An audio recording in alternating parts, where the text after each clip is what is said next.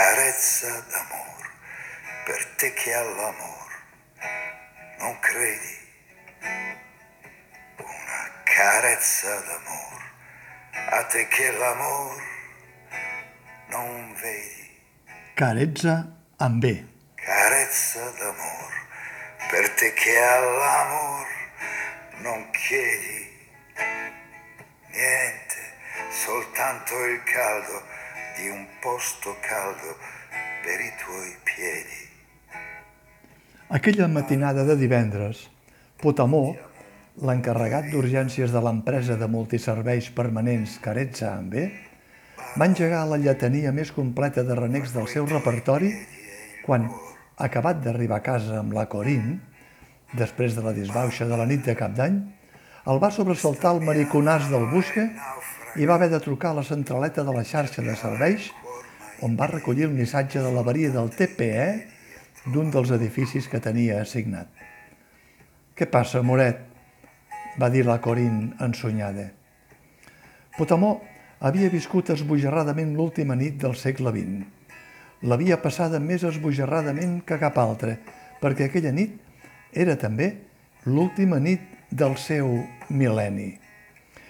I tot just en una nit tan assenyalada per a Potamó, a les escorrialles del segon mil·lenni de l'era cristiana, s'havia hagut d'embossar la reconsagrada canonada del TPE. El TPE era el transport pneumàtic d'escombraries d'un edifici d'apartaments d'alt standing que reunia 276 propietaris.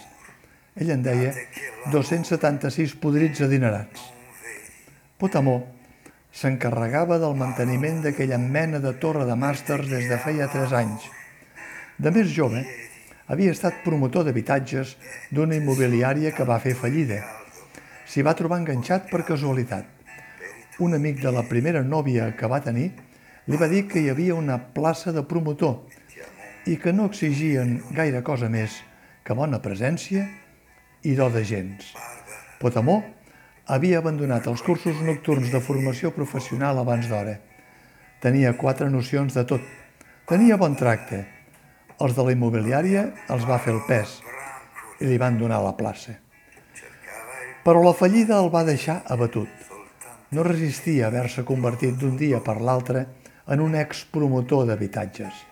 A més, el que li dolia a Potamó era que havia perdut la primera nena per la merda de la immobiliària, perquè el mateix amic que li havia parlat de la feina no va ni esperar que ell cobrés les primeres comissions que ja li havia raspallat la nòvia. Sort que la Corina, l'amiga d'una altra nòvia que es va lligar de seguida, li va dir que potser podria fer feinetes de manteniment, si en tenien edificis i tot això. I així va ser com Potamó va entrar a formar part de la xarxa de la companyia de manteniment d'urgències de Caretza B. Potamó era un autèntic exemplar de la nova espècie de treballadors autònoms que el vell mil·lenni havia deixat d'herència com un llaç laboral. Estava escrit a una ETT, una empresa temporal de treball, que, a la vegada, estava estretament lligada a aquella altra xarxa de serveis per subcontractació que, com única garantia, posava un eslògan a disposició i benefici de tots els seus autònoms associats.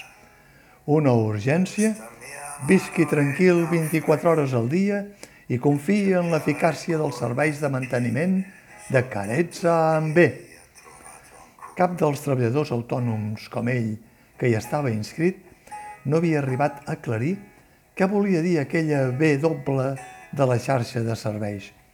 Potamó havia sentit a dir que el fundador era un encarregat de la neteja, d'origen italià, que havia començat des de molt avall, però també havia sentit a parlar del pioner de Carezza B com un antic escura xamaneies que s'havia especialitzat en desembossar tasses de vàter dels propietaris dels apartaments que hi havien confiat. Deien que s'havia enriquit provocant-ne els embossaments amb un sofisticat producte químic, el dissolvent del qual només coneixia ell. Potamó havia arribat a convèncer que aquella doble era un senyal d'identitat de la xarxa de manteniment. Per això, La W era l'únic logo que hi havia a les furgonetes de servei d'urgències de la xarxa. un po'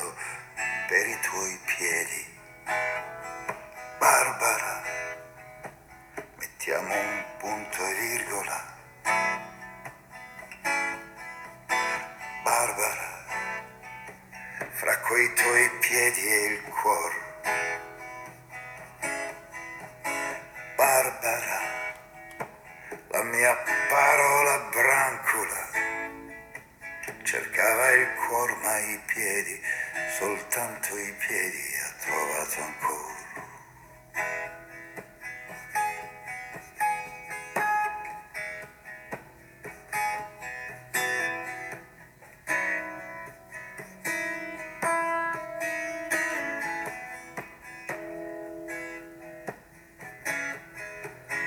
Barbara, mettiamo un punto e virgola. Barbara, fra quei tuoi piedi e il cuore. Barbara, questa mia mano è naufraga. Cercava il cuore ma i piedi, soltanto i piedi ha trovato ancora. Cercava il cuore ma i piedi, soltanto i piedi ha trovato ancora.